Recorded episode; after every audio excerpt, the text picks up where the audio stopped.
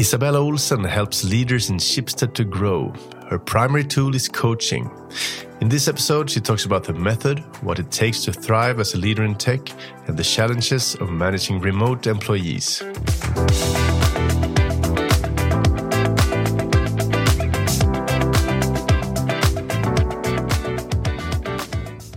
Isabella, welcome to Schibsted Talks. Thank you. So, why did you become a coach? Well, I became a coach because I'm interested in developing people and organization. And I think coaching is a great tool for that.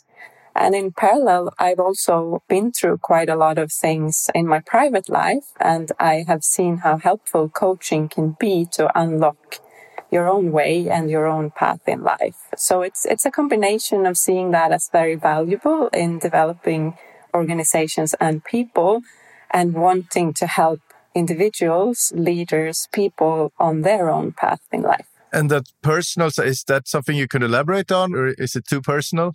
No, but I think everyone in life goes through various challenges. And I, for example, have been through various illnesses, divorce, and making a lot of changes in my life where it wasn't possible to just pick someone else's path, but you have to find your own.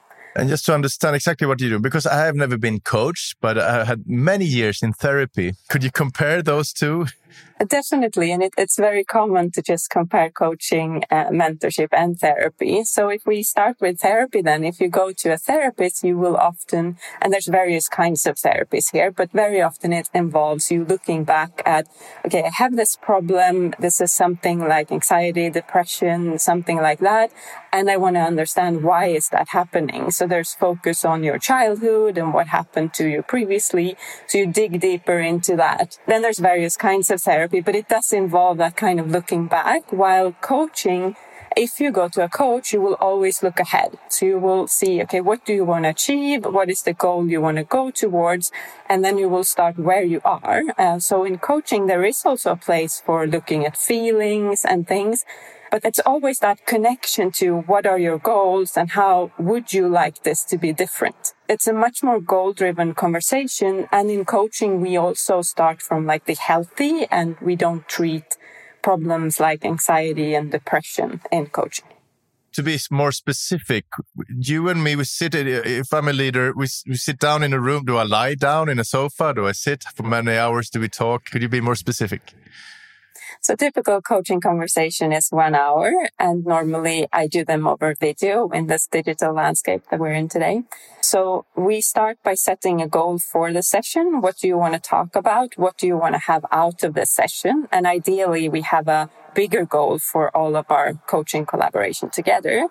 And then we work on, well, what do you want to achieve? How does that look? And really try to unlock your creativity in where do I want to go? What does that mean? So that by the end of the session, we narrow it down and summarize your learnings so that you can then pick your next steps. What do I want to do?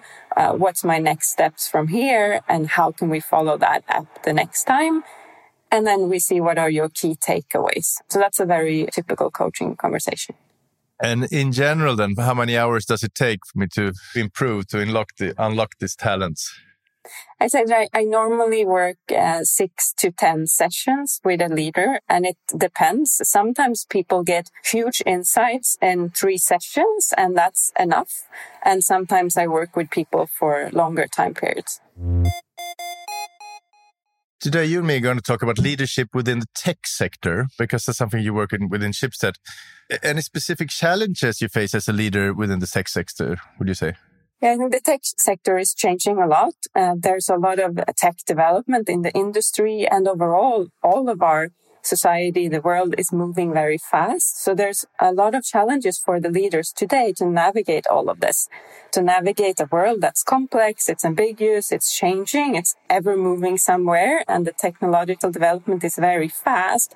And how can I then, as a leader, navigate all of this and get the results that I want? So it is a very challenging environment. And how can you do that? What do you need to thrive as a leader in tech?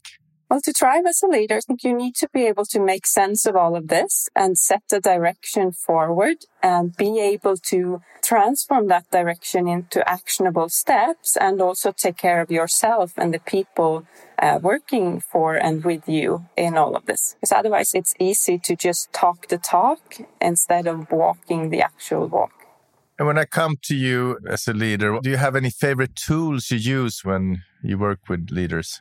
And I think my favorite tool is the coaching conversation in itself because there's a lot of power in actually creating in coaching. I think one of the most important things is to create that trustful relationship so that the person being coached gets a space for reflection and for expressing their thoughts and wishes and then helping that person find where do I want to go, create awareness of how to get there. So yeah, my favorite is actually the conversation in itself and using a lot of open questions, which means you can't answer them with yes or no, and a lot of reflecting back what the leader says. Could you give me an example? How can you start a conversation like that?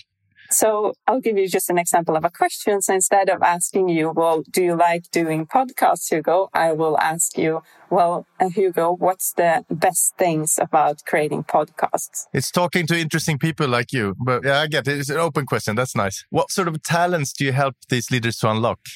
Well, I think it, it's a super interesting question because everyone comes with very different things they want to achieve. Yeah but it still boils down to very similar things that often is unlocked. And it's a lot about self-awareness, uh, confidence. Where do I want to go? Creativity, new perspectives, and also the power to take decisions, take actions and see, okay, this is the most important thing. I'll need to do that now. And then learning back.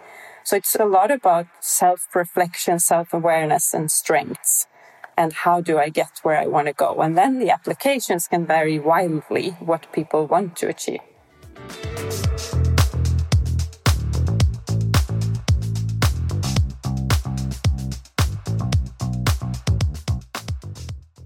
If someone listens to this podcast and realizes, damn, I want help from Isabella, is it, can you just reach out to you? Does it have to take a specific way throughout the Schibsted pyramid? Well, my focus is primarily on product and tech. And so far we have the nomination process for coaching is through our CTOs and CPOs. So the best way, if you want to see that this is really interesting, I want to work with a coach and I'm in product and tech, it's to reach out to the leaders close to you and get yourself nominated through your CTO or CPO. Great. Some say that Zoomers or millennials expect another sort of leadership. Right or wrong? What do you say about this? Well, I think that's a complex question. I'd probably say right, but it's not specific to that. So I'd say that today there's a lot of focus on diversity, inclusion, belonging and building diverse teams where you can really leverage everyone's thoughts and ideas and get everyone to feel like they belong there. And then my belief, my personal belief is that we're quite similar as people. Uh, but we grow up in different families and different uh, time areas, and that puts an impact on us as people, which means that we might have different expectations on how we want to be met uh, by our leader. But I think you can then generalize it and say, well, it's not just about Zoomers or millennials or anything like that. It's also gender and cultural background. So I think the challenge for a leader is more how can I leverage all of these different perspectives, meet people where they are, and build that inclusive environment. So let me put it like this instead is it harder being a leader today than it was 30 years ago? I think that depends on who you ask. Because for me, I like that kind of complexity and like working with people and like taking these aspects into consideration. So for people like me, I'd say it fits me better now. But of course, if you work, you zoom very long back and there's an assembly line and you need people to do exactly this thing, well, then you can point with your hand and say, well, this is what you need to do and this is how we measure it. So it's just two different things. And I say it, it depends on who you are and what you like as a leader. During the pandemic, people started working remote and a lot of people really liked it. So they want to stay at home. And this, of course, is a challenge for the leader. How do you cope with that? I think coaching is a quite useful tool here too, because there's a lot of talk like how do we deal with people being remote, being in the office, being in a hybrid setting. So my question, there's a lot of leaders, by the way, that come with this exact question into coaching. So my questions then tend to be, okay, what are you trying to achieve? what is it that you want to achieve right now? What's important to you? What do you want to have? Okay, I want to have a team where we build psychological safety. Okay, if you're remote, how can you do that? What alternatives can you explore? So for me, it's, it's a lot about daring to ask the question, what are we trying to achieve? What is most important for us right now? And how can we achieve this in this combination hybrid slash remote setting? One of the biggest challenges for tech companies right now, it could be Spotify or Schibsted, is to attract talents because there are not that many. There are more companies than talents. Is that something you take into consideration when you talk to leaders? And is it something you think about? Yes, it's something I think about and I have experience from that as a leader myself. And it is something that it's also a topic that often comes into coaching conversations. So I think it's a question with many angles. One is with the fierce market that we have today, how do we build workplaces where people actually want to work so that we inspire? And how do you? Well, that comes a lot back to that around uh, inclusion, diversity, belonging. How can you create an environment where people can thrive, where they can use their skills, where they can get to work on what's motivating them at the same time as you can drive your organization towards results. Um, so I think building that kind of environment where you leverage people's strengths, and that is often autonomy, mastery, purpose is quite well known around motivation. Like how do you get people to feel like they contribute and they master something. So that's the one angle. And then the other one is, of course, you also need to attract people. So how do you find the people you want to hire? How do you set up interview processes to find them? How do you balance hiring junior people with more senior people? There's a lot of creativity needed today to navigate this uh, quite fierce uh, talent landscape. And one could be to offer coaching for everyone to become a better person, a better employee, or, you know, to offer coaching to the talents. I think the market is moving. If we move a few years back, there was a lot of focus on development talks and one ones and how do you work with people.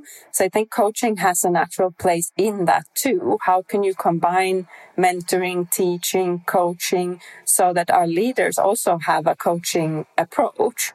So that's one angle to it. And then, of course, you can also add on top of that coaching by a professional coach like I am so I think here also creativity around it, but I definitely think coaching is going to be a key in the future for developing people.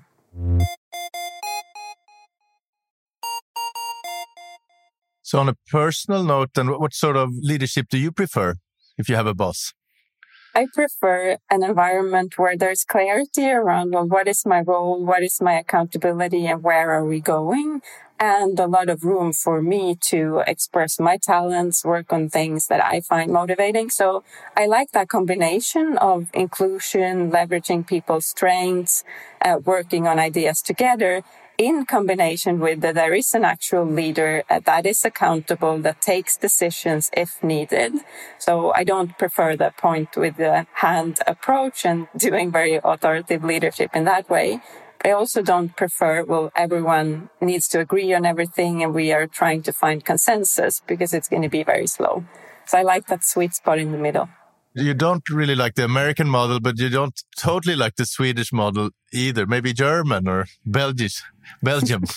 I don't know if it's that black and white and what is the Swedish model, but I do think that sometimes in Sweden we tend to move a little bit too much towards consensus. I love debates and discussions and where everyone is passionate.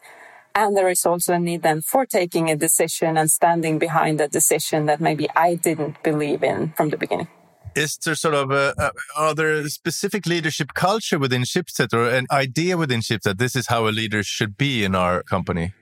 I work across various parts of Schibsted, and I would probably say no to the question if there is a, a clear leadership culture within Schibsted.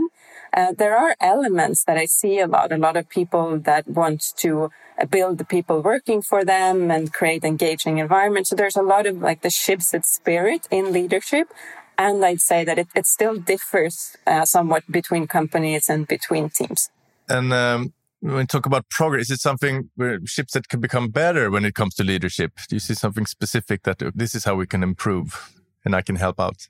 And I think there, there is an opportunity. We already have some aspects of that. We have our, our PACE training where we uh, outline how we want leaders to work and we want people to be collaborative and agile and we have these principles. And i think there is a little bit like um, we talked about before but talking the talk and walking the walk. I think there is an opportunity to work even more on taking this knowledge on how we want leadership and actually get that out in the organization so that it's it's people are living it.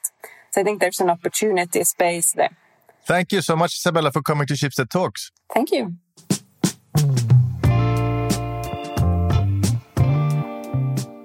This podcast was brought to you by Schibsted Employee Branding Team. My name is Hugo Renberg and producer was Jens Back.